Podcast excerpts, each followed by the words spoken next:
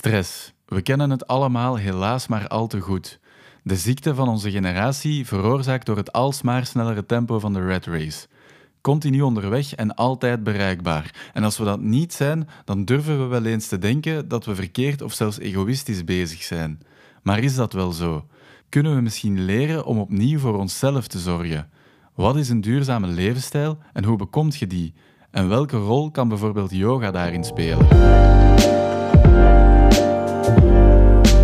Hey, hallo en welkom bij In the Lift, de podcast van Focus en Smart Media Agency, waarin ik jonge ondernemers spreek over tal van thema's en waar jij in het beste geval iets van kan opsteken of geïnspireerd door raakt. Deze keer ging ik langs in de yogastudio van Christel Siprat en zij vertelde me alles over duurzaam leven, voor jezelf zorgen en hoe yoga daartoe kan bijdragen.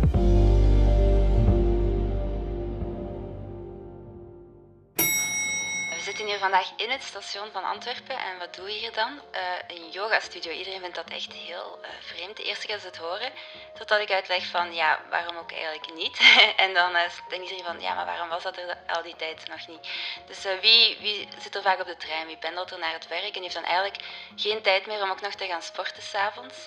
dus wij zorgen ervoor dat je dat kan doen op weg naar het werk of, of tijdens de lunchpauze als je in een stationsbuurt werkt. En dan heb je toch nog die tijd voor jezelf zonder dat je daarvoor s'avonds nog een keer, als je al thuis terug geïnstalleerd bent, nog een keer het huis moet verlaten. Of zelfs ochtends op weg naar het werk. We proberen uh, die tijdstippen af te stemmen op, op jullie dag eigenlijk. Dag uh, Christel Siprat ja. uh, en welkom bij deze zesde aflevering van onze podcast In de Lift. En ik ga meteen met de deur in huis vallen. Kunt je eens beschrijven waar dat we ongeveer zitten? En we horen het eigenlijk ook al een beetje. Hè? Ja, dus we zitten hier in de winkelgalerij van Antwerpen Centraal. En wat je nu hoort is uh, spoor 5, waar even een trein voorbij rijdt. Dus uh, we zitten echt al in het station en in, in, in, de drukte van, van het hele gebeuren. Maar we proberen hier toch met een gezellige, afgesloten ruimte wat, uh, wat rust en stilte te creëren. Dat mensen zo vanuit een drukke dag even in een andere universum kunnen stappen voordat ze naar huis gaan of, of tijdens de lunchpauze. Ja, je zegt het al, afgesloten ruimte. Kunt je misschien eens visueel beschrijven hoe dat het er hieruit ziet? Ja, eigenlijk zou je een keer kunnen kijken op mijn Instagram hoe het er een jaar geleden uitzag. Dat was een volledig casco donker uh, grijs pand. En ik heb dat dan samen met een interieurarchitecte ja, heel licht gemaakt. Dus het is eigenlijk volledig wit. Ook een witte laminaat en dan wat groene accenten om het toch zo rustgevend mogelijk te maken. En we hebben hier dan ja, aan de muur ons materiaal staan, dus ook alles is voorzien. Als je op de trein zit, je hoeft eigenlijk enkel maar een sportbroek mee te nemen. Voor de rest uh, is alles hier aanwezig. En uh, we proberen het zo, ja, zo visueel rustig mogelijk te houden. Dat iedereen hier binnenstapt en dat je dan eigenlijk vergeet dat je in het station zit. Ja, want zelfs als je je sportkleren vergeten bent, ik zie daar sportbroeken hangen en ja. kledij. Ja, kunnen de mensen het hier zelfs lenen? ze kunnen het lenen of ze kunnen het kopen, ja. Ah, dus, okay. we hebben dat ook voorzien. Um, als, ja, als mensen van plan zijn om vaker terug te komen, dan kunnen ze eigenlijk ook bij ons een yogamatje en een, uh, legging uh, aanschaffen. Oké. Die kleuren, zoals je zegt, uh, wit, veel wit en wat groene accenten, is dat bewust? Zijn dat kleuren die echt tot rust brengen? Ja, um, het is wel de bedoeling om wat lichtheid te brengen. Dus zo heel zwart-donker, dat leek me niet echt gepast. En ook door dat wit zijn, dat, dat leidt niet af. Hè. Dus uh, zo de visuele prikkels worden een beetje uitgeschakeld, uh, zodat de mensen zich eigenlijk helemaal op zichzelf kunnen concentreren. Hmm. Ik zie ook uh, een gordijn vlak voor mijn neus hangen, want er is hier een gigantisch groot raam waar dat we eigenlijk uitkijken gewoon op de gang van het Centraal Station ja, in Antwerpen. Tijdens de sessies gaan die gordijnen ook dicht? Of, Meestal wel. Sommige mensen vragen dat wel, zeker als ze zo nog maar beginnen met yoga, zijn ze een beetje onzeker en hebben ze liever dat we dat dicht doen. Maar soms vergeten we het en dan is dat eigenlijk ook niet zo erg. En dan kunnen de mensen vanuit de gang ook zien wat dat er gebeurt. Ja, uh, ja, dus dat is eigenlijk wel, wel fijn. Dus de mensen lopen hier altijd heel gehaast voorbij en dan zien ze hier binnen mensen zitten op een meditatiekussen. Dan zijn ze toch altijd even in de war of zo heel geïntrigeerd. Want ja, wat gebeurt hier allemaal? Zijn er mensen die soms echt uh, tien minuten, kwartier stoppen om te kijken of is dat nog niet ehm, gebeurd? Ja, als ze echt aan het raam staan binnen te kijken, dan is dat wel een beetje awkward. Ja, maar, maar toch wel, ja, regelmatig hebben we ook buiten een rek gestaan met ons eh, weekprogramma. En, en, mensen stoppen wel vaak om zo te zien wat er allemaal te beleven valt. Oké, tof. De ruimte, hij is, hij is niet klein, zeker niet, maar ook niet gigantisch groot. Nee. Als je, als je een sessie geeft, een groepsessie bijvoorbeeld, met hoeveel mensen liggen jullie of zitten jullie of doen jullie hier dan oefeningen? Ja, oorspronkelijk uh, was het bedoeld voor acht mensen. Maar nu met die hele uh, corona-epidemie mogen we niet meer zo dicht op elkaar. Dus uh, zijn de groepsessies nog maar voor vier personen. Um, ja, wat wel voor ons als, als bedrijf wat weinig is, maar de mensen zelf vinden het wel heel leuk omdat het dan heel intiem is en heel veel persoonlijke aandacht. Dus dat is nu even een overgangsperiode, hoop ik. Maar uh, op zich, het zijn altijd kleine groepjes. We zitten nooit met twintig mensen samen of zo. Uh, dus maximaal acht en momenteel dan vier uh, per les.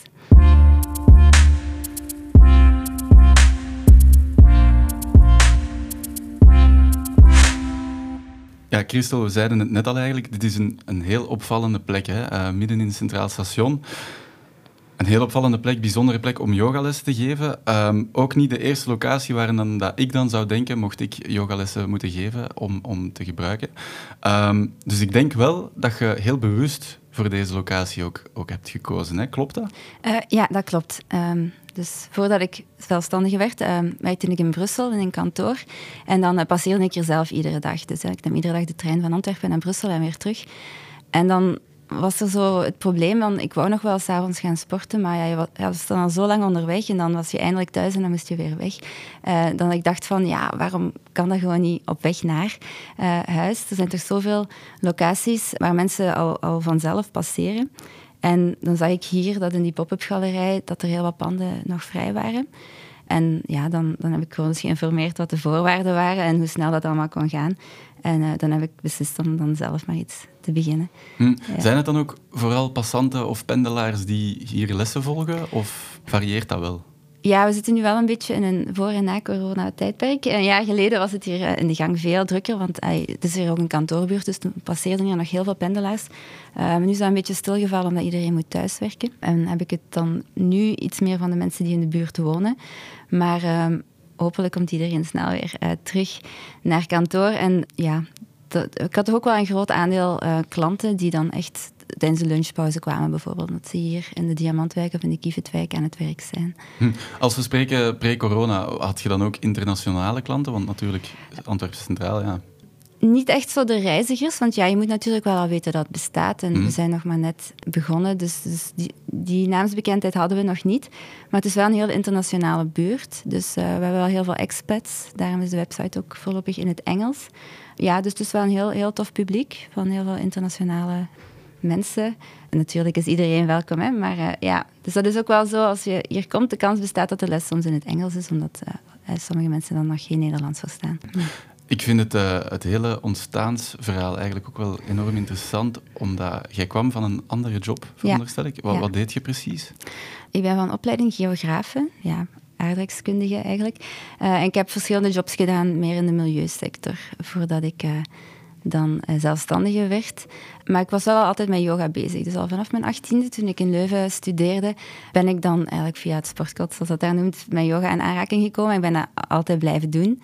En na een jaar of tien yoga-beoefening ben ik dan ook lerarenopleidingen beginnen volgen. En zo was ik dan op een bepaald moment ook voldoende gecertificeerd om, om zelf les te geven. En uh, ja, dan heb ik de sprong gewaagd om, om eigenlijk mijn carrière een andere wending te geven en, en daar te stappen. Daar gaat de trein dat is, dat is de trein weer, ja. um, ja, inderdaad, een hele carrière switch. Um, was, dat, was dat iets wat je eigenlijk altijd al van droomde om, om zelf iets te beginnen en zelfstandige te kunnen, te kunnen worden? Ja, toch wel. Het heeft altijd al een beetje in mijn aard gelegen dat ik, dat ik wel graag zo op mezelf werk en zelf beslissingen neem. En in een kantooromgeving is dat niet altijd mogelijk. Dus uh, ik, ik had wel heel veel moeite met die 9-to-5-mentaliteit. Uh, en het is dan nog even zoeken geweest. Hè. ga ik dan consultant worden in de milieusector of zo. Maar ja, dat zag ik dan toch niet helemaal zitten. En dan kwam yoga op mijn pad. En dan dacht ik van ja, een yogastudio, dat is misschien uh, wel nog een, een, optie. Ik vond dat ook ja, zelf super boeiend om door te geven aan andere mensen. Dus dan is het dat geworden. Ja, wat, wat triggert er u zo aan yoga? Wat, wat maakt yoga zo speciaal voor u? Yoga is voor mij eigenlijk uh, een manier om, om, om, mensen meer in verbinding te krijgen met zichzelf, maar ook met, met hun omgeving. En daar is ook wel een beetje de link met geografie, want dat is ook een omgevingswetenschap. Dus mm, op mm. zich, het, allee, het principe, de achterliggende gedachte, is heel holistisch, zowel als je bezig bent met het milieu en de aarde en hoe alles werkt. En ook yoga die dan eigenlijk meer vanuit een mensperspectief ook zo die verbinding zoekt. Dus mensen meer bewust maken dat we eigenlijk ehm, ja, allemaal een beetje hetzelfde zijn. En ook dat, dat het helemaal oké is om de tijd te nemen om daarbij stil te staan, om tijd voor jezelf te nemen. Eh, en dat we niet allemaal zomaar blindelings van hot naar haar moeten gaan en, en orders moeten opvolgen, maar dat we ook gewoon heel veel antwoorden binnen onszelf kunnen vinden. Ja, want ik ken eerlijk gezegd, ik heb zelf nog nooit een yogales gevolgd, dus ik wil ook zeker geen uh, yoga-liefhebbers beledigen of zo op een of andere manier. Het uiteindelijke doel dan van yoga, is dat om tot rust te komen of om uh, nee, nee, eigenlijk niet. Dat is een beetje een misverstand. Want yoga zit hier zo in de, in de wellnesssector. Ze denken dat, dat is iets voor vrouwen die dat doen om te ontspannen. Ja, voilà. Maar eigenlijk uh, hoeft dat helemaal niet zo te zijn. Dat kan zo zijn. Als je daar op zoek bent, dan kan je dat er zeker uithalen. Maar het is eigenlijk uh, een levensfilosofie die al duizenden jaren geleden ontstaan is in India. Het is eigenlijk, ik vind het meer een, een zelfontwikkelingstool. Dus je leert echt ehm, meer over, over jezelf. En doordat je jezelf beter leert kennen, ben je ook empathischer naar andere mensen toe. En het is ook een systeem. Dus je hebt enerzijds die lichaamsoefeningen, waardoor je je lichaam gezond houdt. Wat natuurlijk heel belangrijk is en wat ook hier in de westerse wereld het meest populaire item is van yoga. Maar daarnaast zijn bijvoorbeeld ademhalingsoefeningen en meditatie ook uh, even belangrijk onderdeel. En dat helpt je dan ook weer om, om jezelf goed te leren kennen. En dat kan op sommige dagen aangenaam zijn, maar op sommige dagen natuurlijk ook veel minder. En dat is ook oké. Dus, uh, dus het gaat er vooral door dat je, dat je leert om dingen ehm, te doorgronden. Hè? Want we sluiten ons vaak af emotioneel. We gaan maar door, door, door, door, door. En we, we durven niet stil te staan bij wat we nu eigenlijk zelf echt denken, echt voelen. En yoga creëert wel die ruimte om dat te doen. Het gaat dus veel verder dan enkel die sessies hier eigenlijk? Dus, de sessies hier zijn eigenlijk belangrijk voor de, voor de discipline en om mensen op weg te helpen. Maar eigenlijk, eens dat je met yoga bezig bent, vertaalt zich dat in, in, ieder aspect van je leven eigenlijk. En neem je dat ook mee in je werk, in je gezin, uh, de, de, dingen die, je daar leert. Hmm, het, is, het, is, het is een, een, way of life eigenlijk. Ja, ja absoluut. Was dat, was dat moeilijk voor u uh, toen dat je je vorige job deed? Want je, je was toen ook al heel veel mee be mm -hmm. bezig met yoga. Was dat moeilijk om die twee te combineren? Ja, je begint je eigenlijk wel zo meer vragen te stellen de dingen die je doet in je andere jobs, of dat die eigenlijk wel um, ethisch verantwoord zijn en of dat de wereld daar ook echt wel beter van wordt. Hè? Dus als je veel.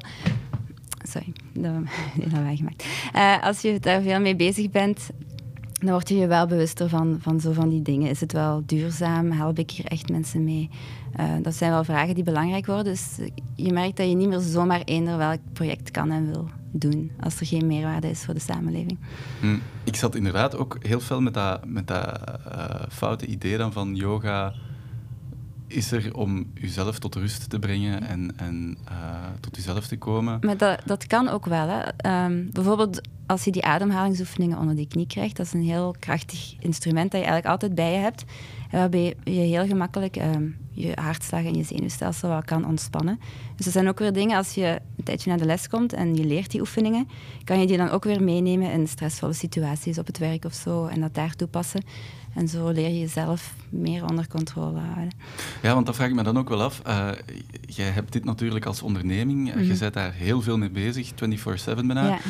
Ervaart jij nog stress soms als, als persoon als je een, een yogaschool hebt? Ja, natuurlijk. Want ja, mijn job is natuurlijk die van zaakvoerder. Dus ik moet zorgen dat alles uh, smooth verloopt. En dat brengt wel wat stress met zich mee. Zeker nu in die coronaperiode dat eigenlijk ons hele businessmodel op zijn kop gezet is. Hè, door die afstandsmaatregelen.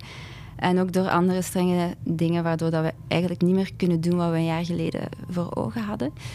Maar ik geef zelf nog wel een tiental lessen per week. En dat is wel leuk, want ja, dan, dan word ik er zelf toch ook telkens weer aan herinnerd om, om die methodes toe te passen.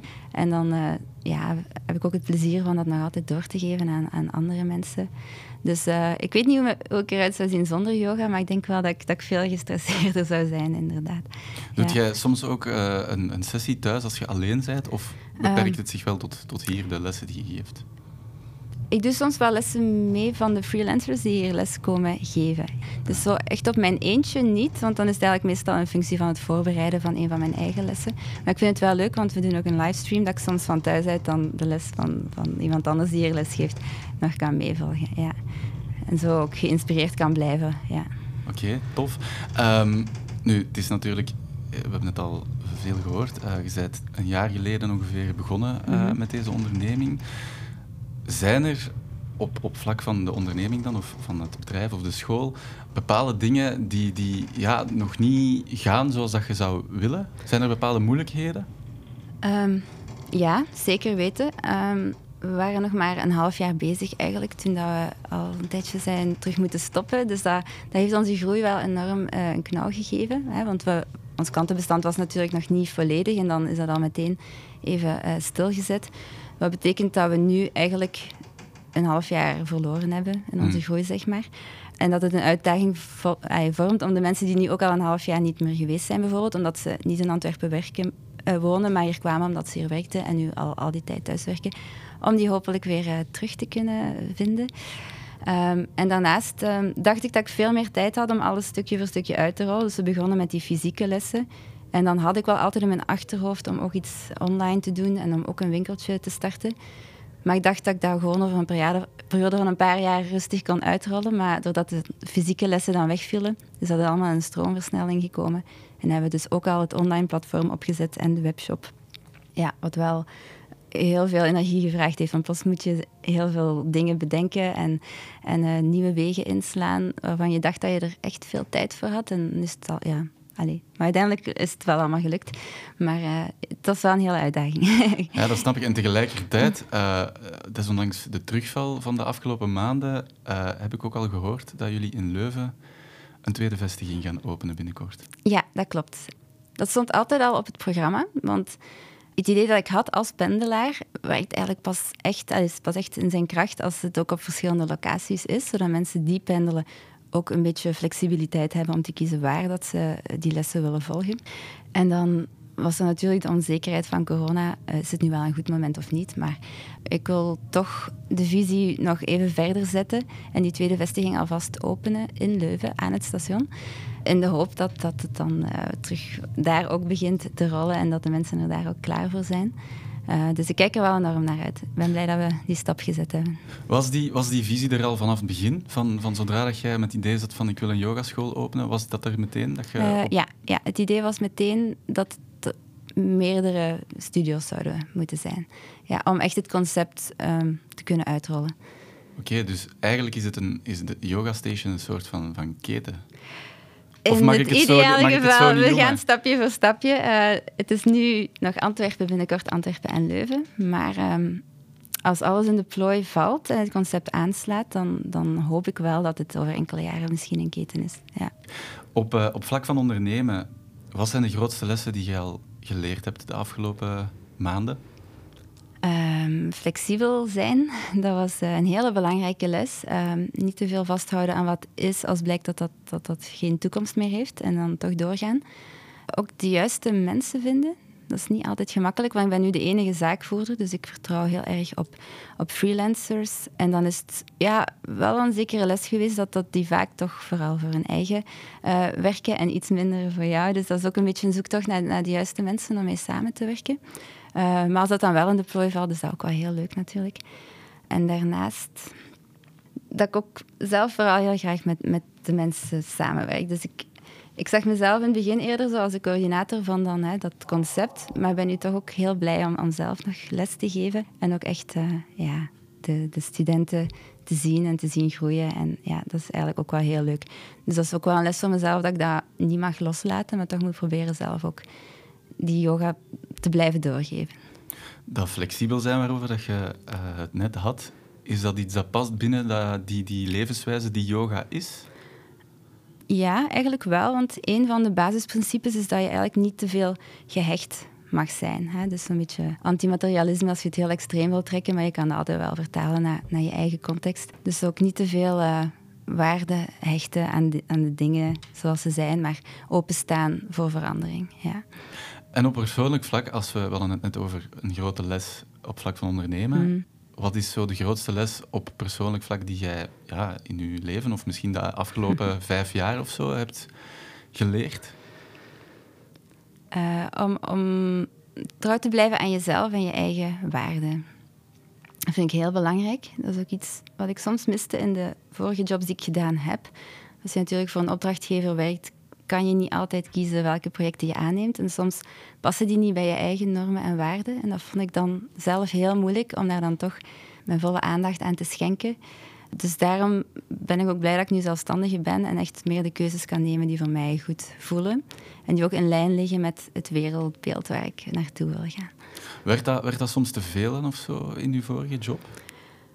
Uh, ik had soms wel ja, wat ethische bezwaren bij, bij dingen die ik deed. Als je, allez, ik heb bijvoorbeeld in, in de haven gewerkt en uh, die bedrijven die daar zitten, uh, als die over milieu praten, is dat vaak een beetje greenwashing. En daar had mm. ik dan wel heel veel moeite mee. Dat dat niet echt gemeend was, maar gewoon om te voldoen aan de wetgeving.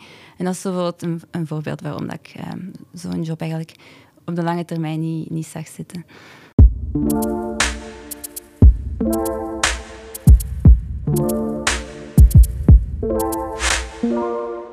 Dan zijn we eigenlijk gekomen nu bij de, bij de korte vragenronde. Dus ik ga u uh, een paar vragen voorschotelen uh, random vragen en we zien wel wat eruit komt. Is er al een moment geweest in het afgelopen jaar dat je u deze locatie echt beklaagd hebt? Ja. Op zich um, ben ik wel, wel heel blij met wat het geworden is, maar met uh, de huidige regels is het, is het jammer genoeg al te klein geworden.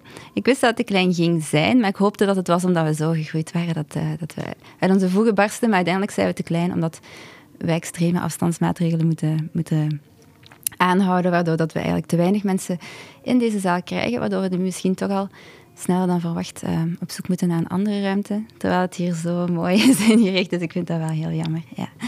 Zou je dan ook in het station nog een, een andere locatie willen vinden? Of? Het concept wat ik heb bedacht hangt wel heel erg vast aan het station natuurlijk, Yoga Station. Dus we gaan wel in deze buurt blijven, ja. Je hebt vroeger uh, op de zee aan maritieme projecten gewerkt als, als landmeter. Ja. Um, mist je het leven op zee soms? Ja, ja dat wel. Uh, heel erg in het begin meer, dat begint nu wat minder te worden. Uh, maar dat was echt, echt heel leuk. Dus ik kan Waarom? ook zeker aanraden aan mensen die pas afstuderen. Dat was de, de, perfecte eerste job. Dat was geen 9 to 5, dat was de ultieme vrijheid eigenlijk. Je werkt een maand of zes weken op zee en daarna heb je ook even lang vrij. dus dan kan je echt wel heel leuke dingen doen. Natuurlijk is dat moeilijk te combineren met uh, een gezinsleven of het sociaal leven of, of hobby's die het hele jaar doorlopen. Maar uh, als je de flexibiliteit en de vrijheid wilt om, om gewoon even een leuk leven te leiden. Dus je, je, reist eigenlijk al voor het werk en dan kom je thuis en dan heb je eigenlijk nog opnieuw een zee van tijd om, om te doen wat je graag doet. Dus ik heb dat drieënhalf jaar gedaan en ja, ik heb daar absoluut geen spijt van. Hm. Is, dat niet, is dat niet repetitief na een tijd, zo eh, een paar weken op zee zitten? Ja, ja het, het, het, werk is hard, want je werkt in die periode dat je weg bent, stel je bent zes weken weg, werk je iedere dag twaalf uur dus dat is echt wel werken. Maar je kan dan ook aan, aan iets anders denken. Plus alles wordt voor je geregeld. Hè. Ehm, er is een kok, dus je hoeft eigenlijk alleen maar te werken ook. En te slapen en te werken en te slapen. En je weet ook, als ik terug thuis kom, dan heb ik een maand verlof. En eigenlijk vond ik dat wel heel leuk. Ja, ja het is uh, een manier van leven die ik totaal niet ken. Dus, uh, nee, voor veel mensen, maar ja, ik heb daar geen spijt van. Dus als er mensen zijn die, die gaan afstuderen en nog een, een avontuurlijke eerste job zoeken, van die bedrijven zoals Jan de Nul en Demi zijn echt ideaal daarvoor. Je bent ook voorzitter van, uh, van het buurtcomité waar, dat je, waar dat je woont. Um, welke eigenschap moet een voorzitter van een, een buurtcomité zeker hebben? Uh, je moet beschikbaar zijn voor mensen, want uh, ze hebben allerhande vragen en iedereen heeft ook zijn eigen bezorgdheden. De ene is bezorgd om, om de kinderen, de andere is bezorgd om het sluikstort. En je moet eigenlijk alles evenwaardig behandelen, want iedereen zijn zorgen zijn natuurlijk even belangrijk voor die persoon.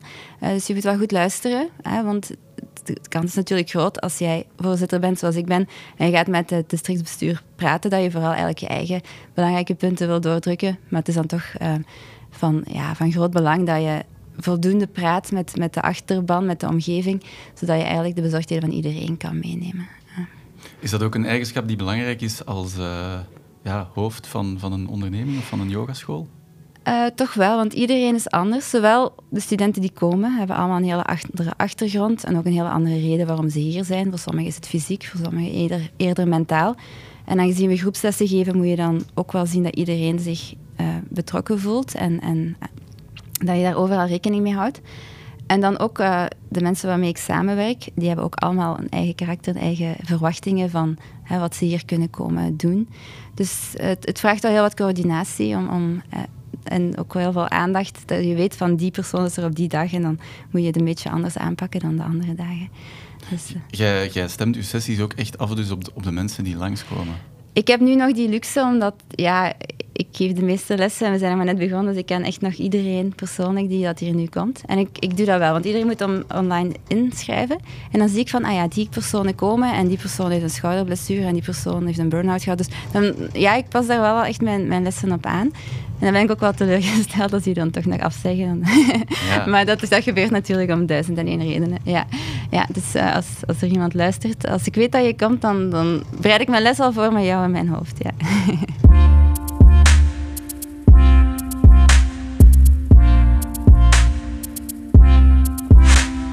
Christel, um, op uw website heb ik kunnen lezen dat jij mensen wilt leiden naar een, een duurzamere levensstijl. Ja. Wat houdt dat precies in? Ja, ten eerste, ik ga wel uit van het principe dat iedereen al um, een beetje anders is en andere verwachtingen heeft. En dat is ook helemaal oké. Dus ik, um, dat is ook wel wat ik leuk vind aan yoga. Het bestaat al zo lang dat er heel veel interpretaties van zijn en dat is ook oké. Iedereen kan dat een beetje toepassen op zijn eigen situatie. Uh, maar een meer duurzame levensstijl, daarmee bedoel ik dat mensen hun, grenzen leren kennen hè, en daar dan ook niet te veel overheen gaan. Maar langs de andere kant, dat ze ook, uh, zoals ik al gezegd heb, wat ik heel belangrijk vind, um, dat ze leren handelen naar hun eigen waarden en normenkader. En dat ze zich niet te veel verplicht voelen om mee te stappen in dingen waar ze zich niet helemaal goed bij voelen. Uh, en yoga geeft dat soort van zelfkennis en zelfvertrouwen als je daar een tijdje mee bezig bent om die stappen te kunnen zetten. Lukt dat voor uzelf altijd om zo te leven? Ik heb ook nog heel veel te leren natuurlijk, maar um, soms mislukt dat wel eens. Hè. Bijvoorbeeld, je hebt dan corona en van de ene op de andere dag moet je studio sluiten. Dan heb ik ook wel even gehuild. Hè. Dat, dat, dat, vond ik heel pijnlijk. Maar ik denk wel dankzij yoga en, en mindfulness en, en, al die principes uh, die ik al een tijdje hanteer, dat ik me daar wel vrij snel die knop heb kunnen omdraaien. Van oké, dit is verandering. En we kunnen daar maar beter op meegaan en, en, proberen daar het beste van te maken. In plaats van krampachtig vast te houden van wat er een half jaar geleden was en dat misschien nooit meer terug gaat komen. Mm. Is, dat, is dat moeilijk soms nog voor u? Of, of merk je dat dat met de tijd wel gemakkelijker en gemakkelijker wordt? Ja, dat, is, uh, dat, hangt ook een beetje van, van de situatie af, hoe groot de impact is. Maar natuurlijk, je kan niet alles zomaar eindeloos blijven aanpassen. Soms is het ook wel leuk dat, dat iets een tijdje stabiel blijft of dat je vooruit kan plannen. Maar um, ik probeer me daar inderdaad niet te veel aan te hechten en uh, de dingen te aanvaarden zoals ze komen. Hm. De mensen met wie dat jij hier in contact komt, um, waar botsen die het meeste op? Heel veel mensen die hier komen, die zijn echt wel vol met, met stress. Omdat ze um, op duizenden en één plekken tegelijk moeten zijn, precies. Hè. Dus uh, het werk vraagt al heel veel. En ook de mensen die hier in het station passeren, die, uh, die hebben vaak nog een heel lange pendeltijd. En dan zijn er ook nog de kinderen en de partner en de familie en de duizenden en andere hobby's. En, en die planning, die puzzel, is, is, voor heel veel mensen heel moeilijk te leggen. Dus ze zijn wel echt op zoek naar zo wat, wat tijd voor zichzelf. Wat in onze maatschappij ook vaak verkeerdelijk als egoïstisch wordt geïnterpreteerd, maar die wel echt noodzakelijk is om niet in een burn-out of in een, uh, in een meltdown te gaan. Uh, dus heel veel mensen die hier komen ervaren heel veel stress en ook ja, vaak door het werk ook wel. Ja, dus dan merk je ook wel dat er in dat systeem, misschien is dat nu met thuiswerk wel een beetje beter, dat er toch wel echt iets, iets mis zat in die red race, dat, dat het vaak te druk was. Hoe komt dat volgens u? Dat dat, dat, dat systeem dat dat eigenlijk ja, niet klopt en dat zoveel mensen hun eigen grenzen niet kennen? Om, ik denk dat in onze maatschappij ehm, een beetje ontbreekt aan de verbeelding om ook te beseffen dat, dat dingen vaak ook anders kunnen dan dat ze zijn. We stappen mee in een systeem en we denken dat dat dan de enige manier is, omdat iedereen het zo doet. Terwijl er vaak nog heel veel andere mogelijkheden zijn die we niet durven te omarmen. Dan hebben we het eigenlijk uh, voor een heel groot stuk ook over, over zelfzorg. Mm -hmm. um, wat betekent zelfzorg voor u? Uh, zelfzorg voor mij betekent dat ik af en toe uh, een afspraak durf af te zeggen om, om gewoon een, halve dag alleen te zijn en, en zo wat tot rust te komen en niet van hot naar haar en de hele tijd in, in overdrive te gaan. Maar dat je af en toe ook gewoon eens durft zeggen, ja, nee, nee, vandaag gaat het niet lukken. Zonder dat je dan een andere reden moet hebben van er is een andere afspraak terug gekomen. Maar dat je gewoon kan zeggen, het gaat niet lukken, want ik moet vandaag even gewoon wat gas terugnemen. Ja. Hm. Zijn er, want je zei eigenlijk daarnet al, er is nog het, het, misverstand dat dat vaak in onze maatschappij als egoïstisch wordt gezien. Mhm. Zijn er nog zo'n misverstanden die rond het begrip zelfzorg bestaan? Een groot misverstand en zelfzorg, uh, vind ik, is dat men denkt dat de uitkomst altijd moet zijn dat je, dat je ontspannen bent en dat je, dat je blij bent als, uh, als het voorbij is. Maar dat hoeft niet zo te zijn. Om, om echt soms een doorbraak te hebben, moet je ook durven aanvaarden dat sommige dingen heel moeilijk en pijnlijk zijn. En ook daardoorheen kunt gaan om dan weer in een andere mindset terecht te komen. Dus zelfzorg, we denken dan aan, de wellness, we gaan naar de sauna en we komen buiten en we hebben een goede dag gehad. Maar als je echt goed voor jezelf wil zorgen, moet je ook leren stilstaan bij de dingen die niet zo aangenaam zijn. En dat kan op het moment zelf natuurlijk uh, ook heel veel pijn en verdriet veroorzaken. Maar dat heb je vaak nodig om, om daar dan weer door te geraken. En dat achter je te laten, want anders blijven we dat maar meesleuren. Dat, dat vind ik een hele goeie, om, omdat het is inderdaad, zoals gezegd, uh, rond het begrip zelfzorg is vanuit de maatschappij al een misverstand van dat is egoïstisch. Maar de verwachting is vaak ook... Ja, we kijken we vaak ook verkeerd naar. Dus, dus dat is een, een, hele, een hele goede insteek. Ik vind het leuk dat je dat, dat, je dat aanhaalt. Waarom, uh, waarom is die duurzame levensstijl en, en zelfzorg, waarom zijn die zo belangrijk in ons leven? Dat is natuurlijk voor, voor iedereen verschillend weer. Hè. Ik ken voldoende mensen die die 9 to 5 die mij zo tegenstak eigenlijk prima vinden. En dat is, dat is ook oké. Maar als je ziet naar het, het aantal depressies en burn-outs in onze maatschappij, denk ik dat het voor heel veel mensen toch ook niet oké is. En dat we daar ook uh, kritisch naar moeten durven kijken en, en uh, onze levensstijl wat moeten kunnen aanpassen. Dat minder mensen de neiging hebben om over hun grenzen heen te gaan en dat we die beter kunnen afbakenen. En dat ook respecteren naar andere mensen toe. Zorgen wij wel genoeg voor onszelf? Ik denk het niet. Als ik naar de mensen in mijn omgeving kijk, vinden we dat toch heel moeilijk om die tijd te nemen. Want we moeten zoveel, we moeten werken, we moeten onze familie zien, we moeten onze vrienden zien. We moeten, ik weet niet hoeveel hobby's doen die vaak, omdat ze competitief zijn, eigenlijk alleen maar meer stress met zich meebrengen.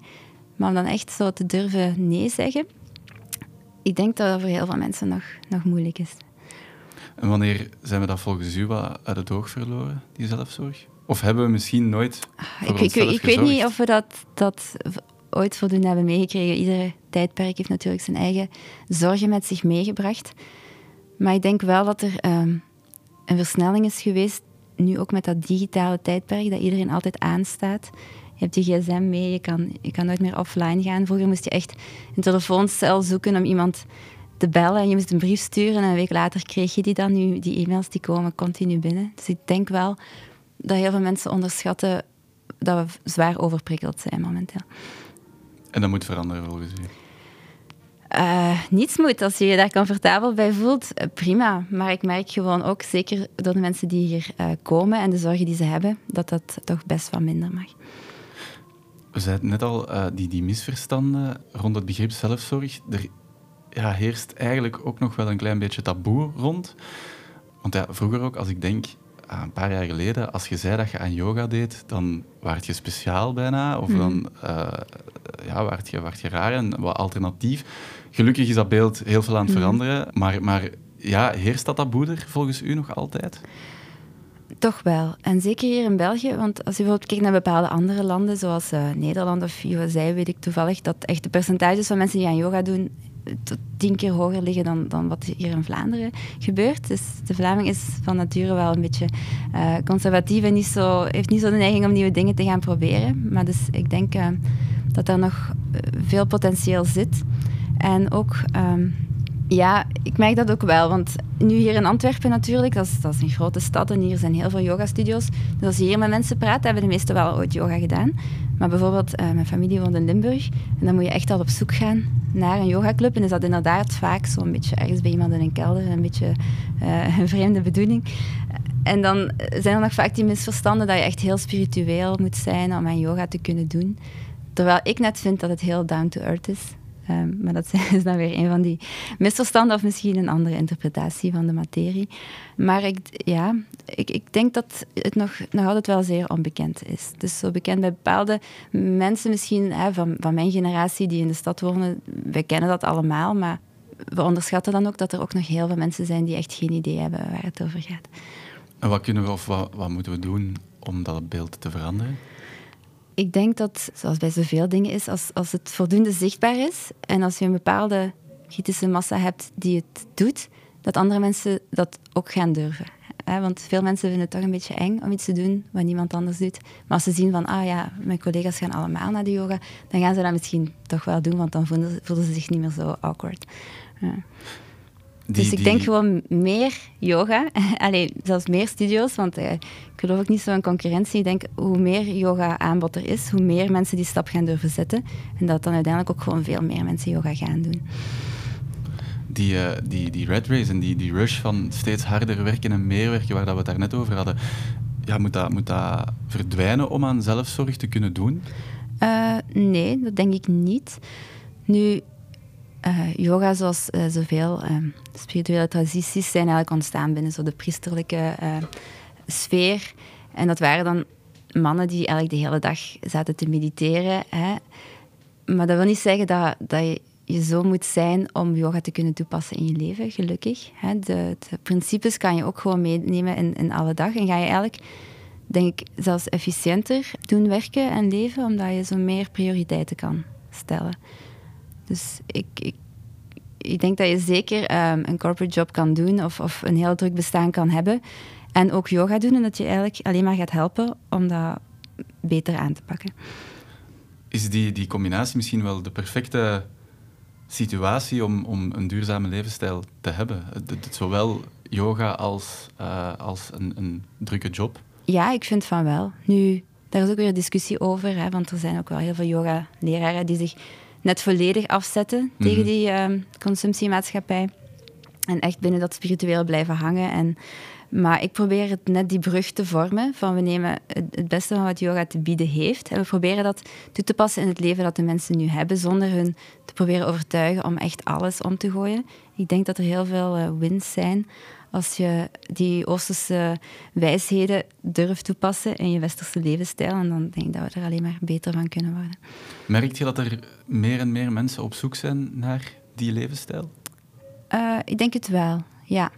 ja. Vroeger was het natuurlijk ook onbekend. Hè. Het is eigenlijk pas zo in het midden van de vorige eeuw dat al die, dat die globalisering begonnen is en ook dat al die uh, principes wereldwijd verspreid geraakten. Maar uh, ik denk wel dat veel mensen ervoor openstaan. Ja, als je ziet dat er toch al uh, vrij veel yoga-studio's zijn en ook dat die mindfulness-cursussen heel populair zijn. Want bijvoorbeeld, eh, anekdote, mindfulness, die naam is ook verzonnen omdat meditatie in de jaren 70, toen dat programma ontwikkeld werd, zo'n taboe was dat niemand dat serieus nam. En dat ze dan eigenlijk die naam mindfulness hebben verzonnen om het toch gewoon anders te noemen, terwijl het wel degelijk gebaseerd is op zijn meditatie. Dus dat is zo, ja. uh, Wat zijn zo, wat zijn zo nog uh, naast yoga en mindfulness manieren om aan zelfzorg te kunnen doen? Ik denk um, dat mensen moeten leren om zich af en toe eens een beetje alleen te zijn. We denken altijd dat we ons met zoveel mogelijk mensen moeten omringen om, om gelukkig te zijn en om succesvol te zijn. Maar ik ervaar persoonlijk, maar misschien ben ik ook eerder introvert van, van uh, persoonlijkheid en is dat voor sommige mensen ook helemaal anders. Maar uh, als je af en toe een keertje alleen durft te zijn, dan, dan leer je jezelf ook veel beter kennen. En dan word je ook wat toleranter naar jezelf toe. Dus terwijl als je altijd maar tussen andere mensen bent en, en afgaat op wat andere mensen allemaal te zeggen hebben, ja, dan, dan mis je toch wel iets aan, zelfkennis en, en ook die zelfzorg. Ik, ik zou iedereen aanraden om zo af en toe een dag alleen door te brengen en, en alleen te gaan wandelen en alleen op café te gaan.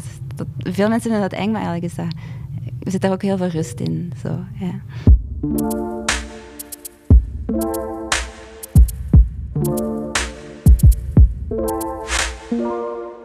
Ik ben enorm benieuwd naar uw uh, invulling van, van onze volgende rubriek, uh, de Tech and Tools, waarbij dat ik eigenlijk samen met u in uw gsm wil duiken om eens te kijken welke apps dat jij allemaal uh, gebruikt op uw smartphone om mhm. uw leven draaglijker te maken, zij het op persoonlijk vlak, zij het als ondernemer. Maar misschien vind ik uh, de volgende vraag wel een interessante om te beginnen. Um, zijt jij iemand die veel op haar gsm zit? Ja, toch wel. Mijn hele leven zit daarop. Oké. Ja, ja, dat is misschien nu weer een contradictie met, uh, met wat ik hier uh, doe en dat ik mensen probeer net daarvan af te brengen. Ja, maar de, maar de waarheid is wel dat ik heel erg aan mijn gsm vasthang. Maar ik vind dat ook wel net efficiënt, want alles wat ik doe, ook mijn werk, kan ik eigenlijk bijna van 90% op mijn gsm doen. Want mijn reservatietool, mijn webshop, alles is te beheren via die gsm. Ehm, dus ik zou eigenlijk niet, niet meer zonder willen, omdat het gewoon zo handig is. Soms is de technologie ook gewoon een voordeel. Ehm, ja. Maar ja, dat vind ik heel grappig inderdaad, omdat je... We zitten hier in een omgeving waar dat we zo weinig mogelijk prikkels willen ervaren, maar dan toch zet je superveel bezig met je gsm, maar continu dingen op binnenkomen. Grappig. Maar ik heb wel ehm, al mijn notificaties uitstaan. Oké, dus dat is wel bewust Ja, dan. dus ik word niet getriggerd door pieptoon en, en pop-ups de hele tijd. Dus ik zie wel enkel wanneer ik het wil zien. Maar ik, ik heb wel mijn leven zo georganiseerd dat ik eigenlijk ja, 90% van mijn activiteiten via de gsm kan monitoren of opvolgen. Ja. Dus dat is ook weer efficiëntie. Ja, ik heb amper een laptop nodig. ja, enkel om mijn website aan te passen, eigenlijk. Ja. Oké, okay, zalig. Je mocht je gsm er mm. even bij nemen om uh, ja, er eens door te scrollen. En uh, is er zo'n app waarvan dat je zegt, ja, mocht deze niet bestaan, dan weet ik het niet meer? ja, volgens mijn bedrijfsvoering zit eigenlijk volledig in Wix. Een beetje reclame maken. Um, dat is begonnen eerst met een website, want dat is heel gebruiksvriendelijk. En dan hebben die ook een reservatiesysteem en hebben die ook een webshop. Dus eigenlijk, ja, mijn werk zit volledig uh, in die Wix-app. Dan kan ik ook chatten met de studenten als ze vragen hebben of als de locatie verandert. Dat is bijvoorbeeld, uh, het is maar weer, we gaan naar buiten. Ik kan eigenlijk alles, alles in die app regelen. Dat is wel doet, heel handig. Wat doet Wix precies? Um, Wix is eigenlijk begonnen als een platform waar je websites op kan maken, zoals WordPress. Maar die hebben dan ook plugins en... Uh, Mensen kunnen dus ook hun lessen boeken en betalen via hun platform. En als ik dat allemaal binnenkomen in die app, kan ik opvolgen wie er voor de volgende les is ingeschreven. En dan heb ik ook mijn webshop, dus met yoga-matjes en, uh, en t-shirts en zo, uh, ook in diezelfde app zitten. Dus ik zie eigenlijk alles wat er gebeurt met mijn bedrijf um, hier binnenkomen. Okay. Dus dat is heel gemakkelijk. Is er, is er nog zo'n app? Uh, ja, ik hou heel, heel erg van Instagram.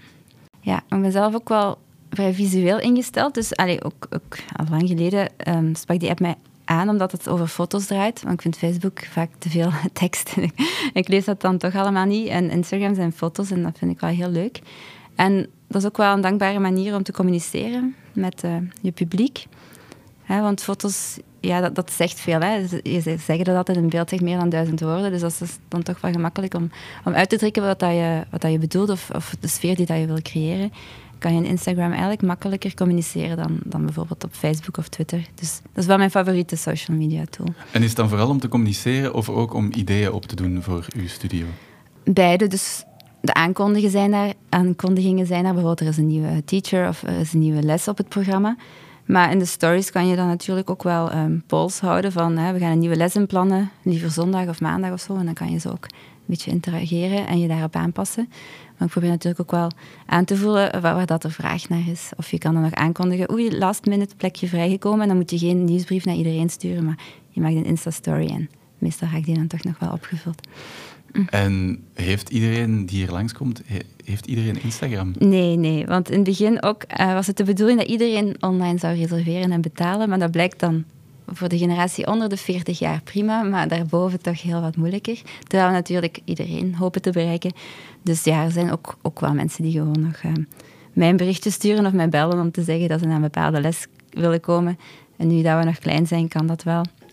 En die dan nog uh, liefst cash betalen, was ik ook verbaasd over. Ik dacht iedereen betaalt uh, online, maar blijkbaar zijn er toch nog heel veel mensen verknocht aan cashgeld ook. Ja. Is er nog een laatste app toevallig?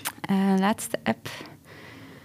Het kan met mijn achtergrond als geografe te maken hebben, maar ik denk dat ik tien keer per dag naar de weer-app kijk.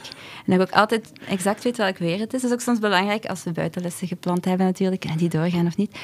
Ja, maar dat is ook iets wat ik wel altijd opvolg. Dus ik weet altijd exact welk weer het gaat worden. Heeft het dus- weer een, een invloed op uw, op uw gemoed?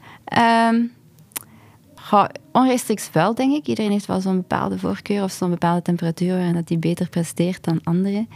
Het zit natuurlijk ook een beetje mijn achtergrond als milieuwetenschapper en ik heb een grote interesse voor klimaatverandering en zo, dat dat, dat zoiets is wat ik ja, wel interessant vind om op te volgen. Ja, het is het weer, ja. Wat is, wat is voor u dan de ideale, of het ideale klimaat, klimaat misschien, als we het breed trekken, om yoga in te geven? Wel, yoga komt uh, uit India, wat erg warm is. Daarom is er ook zo een stroming die hot yoga heet, hè, die dan meer dan 30 graden is. Dus voor yoga te beoefenen mag het wel aangenaam warm zijn. Maar uh, hot yoga is dan toch niet aan mij besteed, want ik ben eigenlijk meer een, een, winterkind. Ik hou wel zo van de kou op mijn gezicht met een zonnetje erbij. Ja. Dus uh, het is een beetje een compromis zoeken, ja. Okay.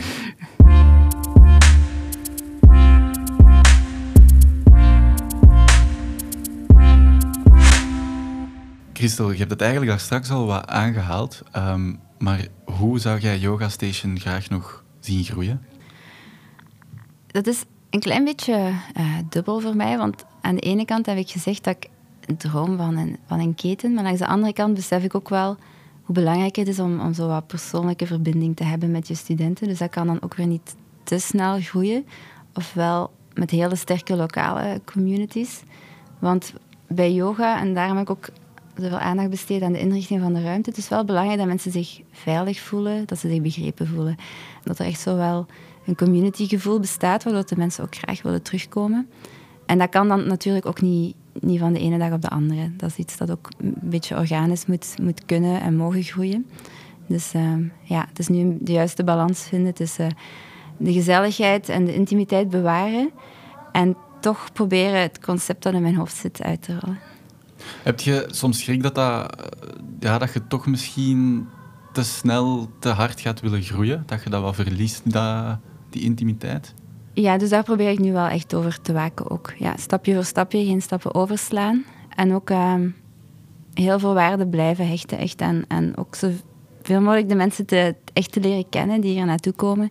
En niet zo'n beetje vanuit een ivoren toren proberen die zaakjes te runnen. Ik vind het wel heel belangrijk ik ben ook wel trots op dat ik echt bijna iedereen ken die dat hier ooit geweest is. En dat ik ook exact weet als ik een berichtje krijg of, of iemand reserveert een les wie dat, dat is.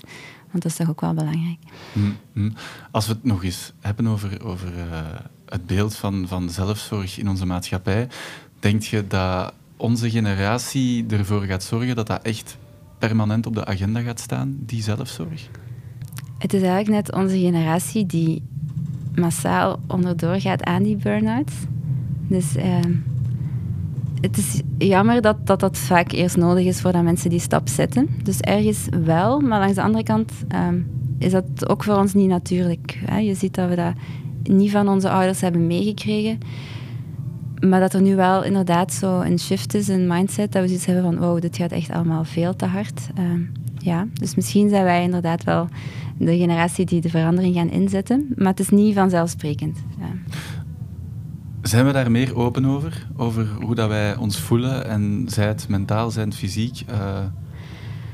Dat denk ik wel. Want de generatie van onze ouders was ook meer... Um, ja, die hebben die carrière gemaakt misschien in de jaren 80, 90, toen dat... dat uh, ja, nog, meer de, het juppie-tijdperk. Of, of, ja, ik denk wel dat het toen nog harder was en dat carrière maken toen ook nog veel belangrijker was dan dat het nu is.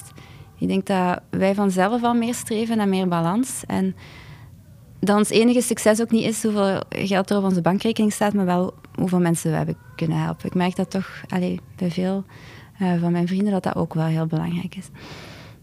Ja, want, want is dat wel zo? Want je, je zegt het net zelf, uh, het aantal burn-outs mm -hmm. is ongezien. Uh, ja, ik denk dat dat komt ook door dat conflict. Dat we moeten meedraaien in een systeem dat niet meer past bij ons waardekader of zo. En dat er een heel groot conflict is intern. Waardoor dat we eigenlijk heel veel werk doen dat we zelf onvoldoende voldoening uithalen of zo. Ja, ik denk dat er wel ergens mee gelinkt is. Hm. Waar geniet jij persoonlijk het meest van in dit leven? Uh, ik geniet heel veel van uh, samenkomen met mensen, met familie, met vrienden, maar zo in kleine groepjes. Hè. Dus niet zo'n groot uh, trouwfeest of een festival, maar gewoon zo iets gaan eten of drinken met een klein groepje mensen. En dan ook echte gesprekken hebben, dat vind ik wel, wel heel leuk. Is dat altijd zo geweest of is dat de laatste jaren veranderd? Ehm, ik heb, uh, ja, pak nu tien jaar geleden of zo, toen ik student was, ehm, ook wel veel feestjes gedaan, veel festivals en zo. Toen, mocht het ook wel allemaal wat, wat groter en wat, wat rapper gaan. Maar ehm, ja, ik denk dat het misschien ook wel een beetje de leeftijd is. Dan vind je zulke dingen belangrijk en wil je vooral zoveel mogelijk mensen leren kennen. En nu is het al tien jaar later belangrijker om gewoon een paar mensen goed te leren kennen. Ja, hoeft het allemaal niet meer zo groot te zijn. Okay. Wat zijn voor u de belangrijkste dingen in het leven? Ja, de belangrijkste dingen zijn eigenlijk uh, geen dingen, maar mensen natuurlijk. Allee, ik, zeg natuurlijk, voor sommige mensen is een auto heel belangrijk. Um, ik probeer meer te streven naar, naar verbinding met een aantal mensen. Dat vind ik heel belangrijk. Maar wat ik ook heel belangrijk vind, is zo um, ja, zorg dragen voor, voor de omgeving. Dat is dan weer mijn achtergrond als uh, milieuwetenschapper. Um, die links zijn we vaak helemaal kwijt. We vinden heel veel dingen vanzelfsprekend. We vragen ons al niet meer af waar het vandaan komt. Het vlees op ons bord of al die um, items die ontgonnen zijn om in onze gsm te steken. Maar eigenlijk is dat helemaal niet vanzelfsprekend. Er zijn er andere delen van de wereld die daar helemaal door verwoest worden. En ook zo, ja, dat bewustzijn dat alles met elkaar in verbinding staat en dat niets niet zomaar gebeurt of dat, dat alles ergens vandaan komt, vind ik ook wel heel belangrijk. En probeer ik ook wel wat mee te geven in mijn omgeving. Dat we niet op onszelf staan. Ja, dat, dat alles met elkaar in verbinding is. Hmm. Zijn de, de Christel Sibrat van vijf jaar geleden en de Christel Sibrat van nu dezelfde? Uh, nee. Nee, helemaal niet. Um, ik heb ook eerst uh, eigenlijk alles gedaan wat dat ik moest doen. Allee, ja, ik heb wel een beetje mijn draai aangegeven met dan op zee te gaan werken. Maar uiteindelijk zat ik dan toch in een 9-to-5 kantoorjob in een meer uh, corporate omgeving. Klaar om met uh, huisje, boompje, tuintje en alles te beginnen. Om dan toch te beseffen dat dat leven wat dat iedereen heeft, en ik wil absoluut niemand beledigen, um, dat ik dat precies toch op een bepaald moment niet meer zo logisch vond, dat dat zo moest zijn. En dan heb ik wel mezelf helemaal omgedraaid. Ja. Dus um, ja, ik, ben nu, ik, ik, woon nu alleen en ik heb dan uh, mijn vaste job opgegeven en ik ben zelfstandige geworden. En uh, dat was natuurlijk um, geen evidente keuze. Maar ik ben wel heel blij dat ik dat gedaan heb, omdat ik nu echt dan, ik moest daar dertig voor worden, mijn leven even on hold heb gezet en terug van nul af aan ben beginnen opbouwen op de manier die voor mij juist aanvoelt. Ja, dus daar heb ik wel een hele innerlijke reis voor nodig gehad. En ik denk dat yoga daar zeker een rol in heeft gespeeld. Om dat te beseffen en ook om die stappen te, te durven zetten. En niet zomaar met de flow mee te gaan, ook al heb je het gevoel dat je in de verkeerde richting aan het gaan bent. Heb je het gevoel dat je, als je nu een sessie geeft, dat je jezelf telkens toch nog beter en beter leert kennen? Uh, ja, het is echt ongelooflijk. Ik heb ondertussen al meer dan duizend sessies gegeven. Maar uh, ik heb nog nooit na een les gedacht van, oké, hoe blij dat gedaan is, weer een les gegeven. Het is echt, het is iedere keer anders. Je hebt andere mensen voor je en de, de dynamiek is anders en de sfeer en ook wat de mensen dan achteraf komen vertellen. Tot nu toe um, ja, vind ik echt ongelooflijk boeiend uh, om te doen en mensen te begeleiden uh, op die reis van uh, yoga te ontdekken en zo ook zichzelf beter te leren kennen. Zijn er nog veel mensen die volgens u dan ervan overtuigd moeten worden dat zaken als, zij het yoga, zij het adem, ademhaling, ademhalingsoefeningen, uh, mindfulness, dat dat echt een noodzaak is? Uh, ja, zeker weten. Um, onze maatschappij is dat echt nog altijd niet ingeburgerd. Dat, dat lijkt misschien zo, want je zit wel regelmatig op tv, maar ook als ik met mensen praat, zijn er toch nog altijd heel veel die niet echt goed ehm, begrijpen waarom ik dat doe en waarom zij dat zouden kunnen nodig hebben. En opnieuw, voor sommige mensen is dat misschien ook niet nodig en dat is ook oké. Ik wil zeker niet uh, iedereen bekeren. Maar heel veel mensen is het ook zo'n soort van weerstand naar iets nieuws of iets exotisch. Of, um, of dat ze schrik hebben voor wat ze gaan tegenkomen. Eens ze dat toelaten in hun leven. Omdat ze al misschien al 50 jaar op een bepaalde manier leven en misschien ook wel aanvoelen dat dat niet helemaal oké is, maar dat ze het ook niet meer aandurven om dat nog helemaal te gaan omgooien. Dus ja. Ja, want heb je al mensen gehad die dan toch toegeven aan, aan misschien hun, of, of, hun angst proberen te overwinnen om hier toch te komen en hunzelf wat te leren kennen, en die dat negatief ervaren? Uh, voor sommige mensen um, Ja, die, die zijn wel wat geschrokken door wat ze tegenkomen bij zichzelf. En die hebben dan ook zoiets van, ja, ik ben er nu nog niet klaar voor.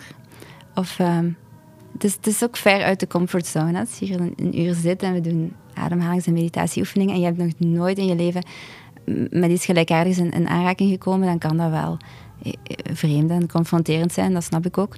Dus je kan ook niemand verplichten om dat te gaan doen. Ze moeten ergens ook wel al voor zichzelf beslist hebben dat ze daar klaar voor zijn. Want het staat ook wel ver af van alles wat dat wij hier op school leren en in onze werkomgeving doen. Ja, inderdaad. Nu dat je school aanhaalt, moet ik denken aan de vraag: uh, is het iets waar wij op school, wat we de kinderen en de jongeren meer moeten, moeten leren? Uh, ik denk dat wel. Want je ziet nu ook dat heel veel kinderen echt al stressverschijnselen hebben. En als ze dan op school kunnen leren, naast de turnles, dat je ook bijvoorbeeld met ademhaling of, of met meditatieoefeningen uh, je stressniveau onder controle kan krijgen. En, en ja, hoe jonger dat je dat leert, denk ik, hoe meer nut je daarvan hebt in de rest van je leven. Als je dat pas op je vijftigste leert, dan is dat dan nog altijd nuttig, maar dan heb je eigenlijk al veel tijd verloren. Hm. Hoe zou jij als persoon graag nog groeien? Als persoon, um, ja, ik zou, aangezien ik graag Yoga Station wil laten groeien, zou ik als persoon ook graag groeien als een soort van uh, people manager. Want ik heb daar geen achtergrond in, ik ben een wetenschapper. Dus dat hele zaken doen. Ik doe dat bewust ook een beetje intuïtief. Hè. Dus, um, dat is misschien niet helemaal volgens de regels van de kunst als je daar een econoom op zet, maar ik probeer dat wel uh, naar mijn gevoel goed te doen. Met natuurlijk de nodige aandacht voor uh, al het zakelijke. Maar wat dat ik vooral belangrijk vind, is dat de mensen die hier komen, dat die zich uh, goed voelen. Dus niet alleen de studenten, maar ook de mensen die hier komen werken. Dat echt wel um, voor iedereen een meerwaarde kan zijn. Ja. En hoe probeert je dat te doen? Um, ik, ja, dat is natuurlijk niet gemakkelijk. En zeker nu in die coronatijd kan je ook niet meer echt samenkomen met je team of zo. Dus dat is een hele uitdaging. Maar ik probeer toch uh, te achterhalen hoe het met iedereen gaat en wat hun verwachtingen zijn. Uh, om dat dan ook mee te nemen in de, in de verdere bedrijfsvoering. Want ik vind het communitygevoel heel, heel belangrijk. Dus het is niet ik, mijn bedrijf. Um, ik hoef niet op, op alle foto's te staan. En, en alleen, mensen hoeven zelfs niet te weten dat, dat ik hier de baas ben. Dat klinkt misschien een beetje gek. Maar het gaat er gewoon over dat, dat het een plek wordt waar, dat, iedereen die hier komt, dat hij zich goed voelt. En aanvaard voelt. En, en dat we eigenlijk samen als community eh, kunnen groeien.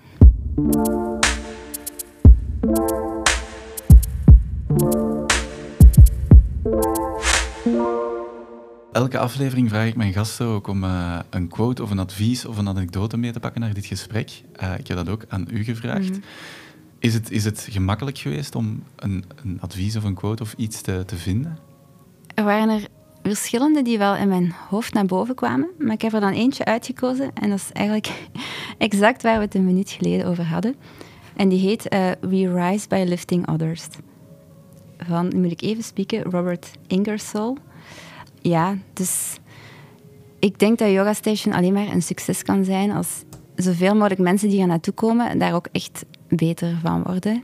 En daardoor um, zichzelf meer uh, gaan aanvaarden en accepteren en dat ook gaan uitdragen. Dus het is niet zo dat ik um, een product verkoop of, of een, een, eenmalige dienst. Het is echt wel de bedoeling om impact te hebben op, op mensen in hun dagdagelijkse leven.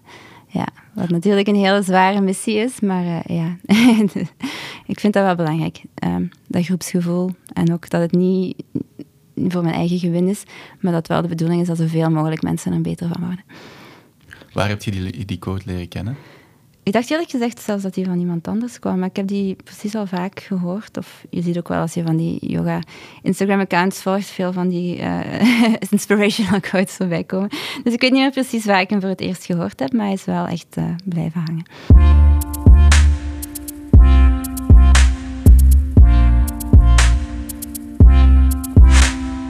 Het is uh, voor mij bijna terug tijd om mij terug te mengen in de drukte van Antwerpen Centraal. Maar uh, eerst is er nog onze startersketting, waarbij elke gast een vraag krijgt van de vorige gast. En het ook de bedoeling is dat jij een vraag stelt aan, aan de volgende gast. Onze vorige gast was Dries Bols van Lifepower en hij heeft de volgende vraag voor u. Als alles nu faalt, what's your plan B?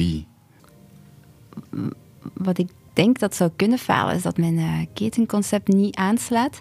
En dat is mijn plan B, dat ik gewoon uh, van Yoga Station Antwerp mijn, mijn baby maak. En, en, en hier uh, iets heel moois van ga maken, maar dan gewoon op één plek.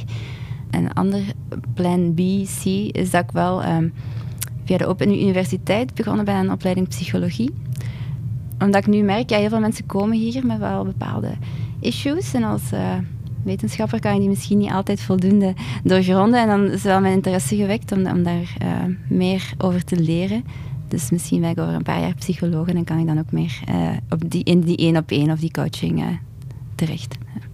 Dan rest mij u nog één allerlaatste vraag te stellen. En dat is de vraag, wat zou jij heel graag te weten komen van onze volgende gast? Welke impact denk jij dat jouw dienst of product op het leven heeft van jouw klant over vijf jaar. Toekomstvraag. Helder, goed. Christel, een ongelooflijk dikke merci voor, uh, voor dit gesprek. En heel veel succes ook nog met Yoga Station en met uw opleiding psychologie dan ja, ook. Ja, dankjewel. Christel Siprat van Yoga Station. Bedankt om te luisteren naar deze zesde aflevering van onze podcast. En als je echt niets wil missen, abonneer je dan even of volg ons op Instagram. Je mag ons ook altijd contacteren via podcast.focus-online.be. En focus, dat schrijf je trouwens met een K. En maak gerust ook reclame bij iedereen die je kent. Merci en tot de volgende keer.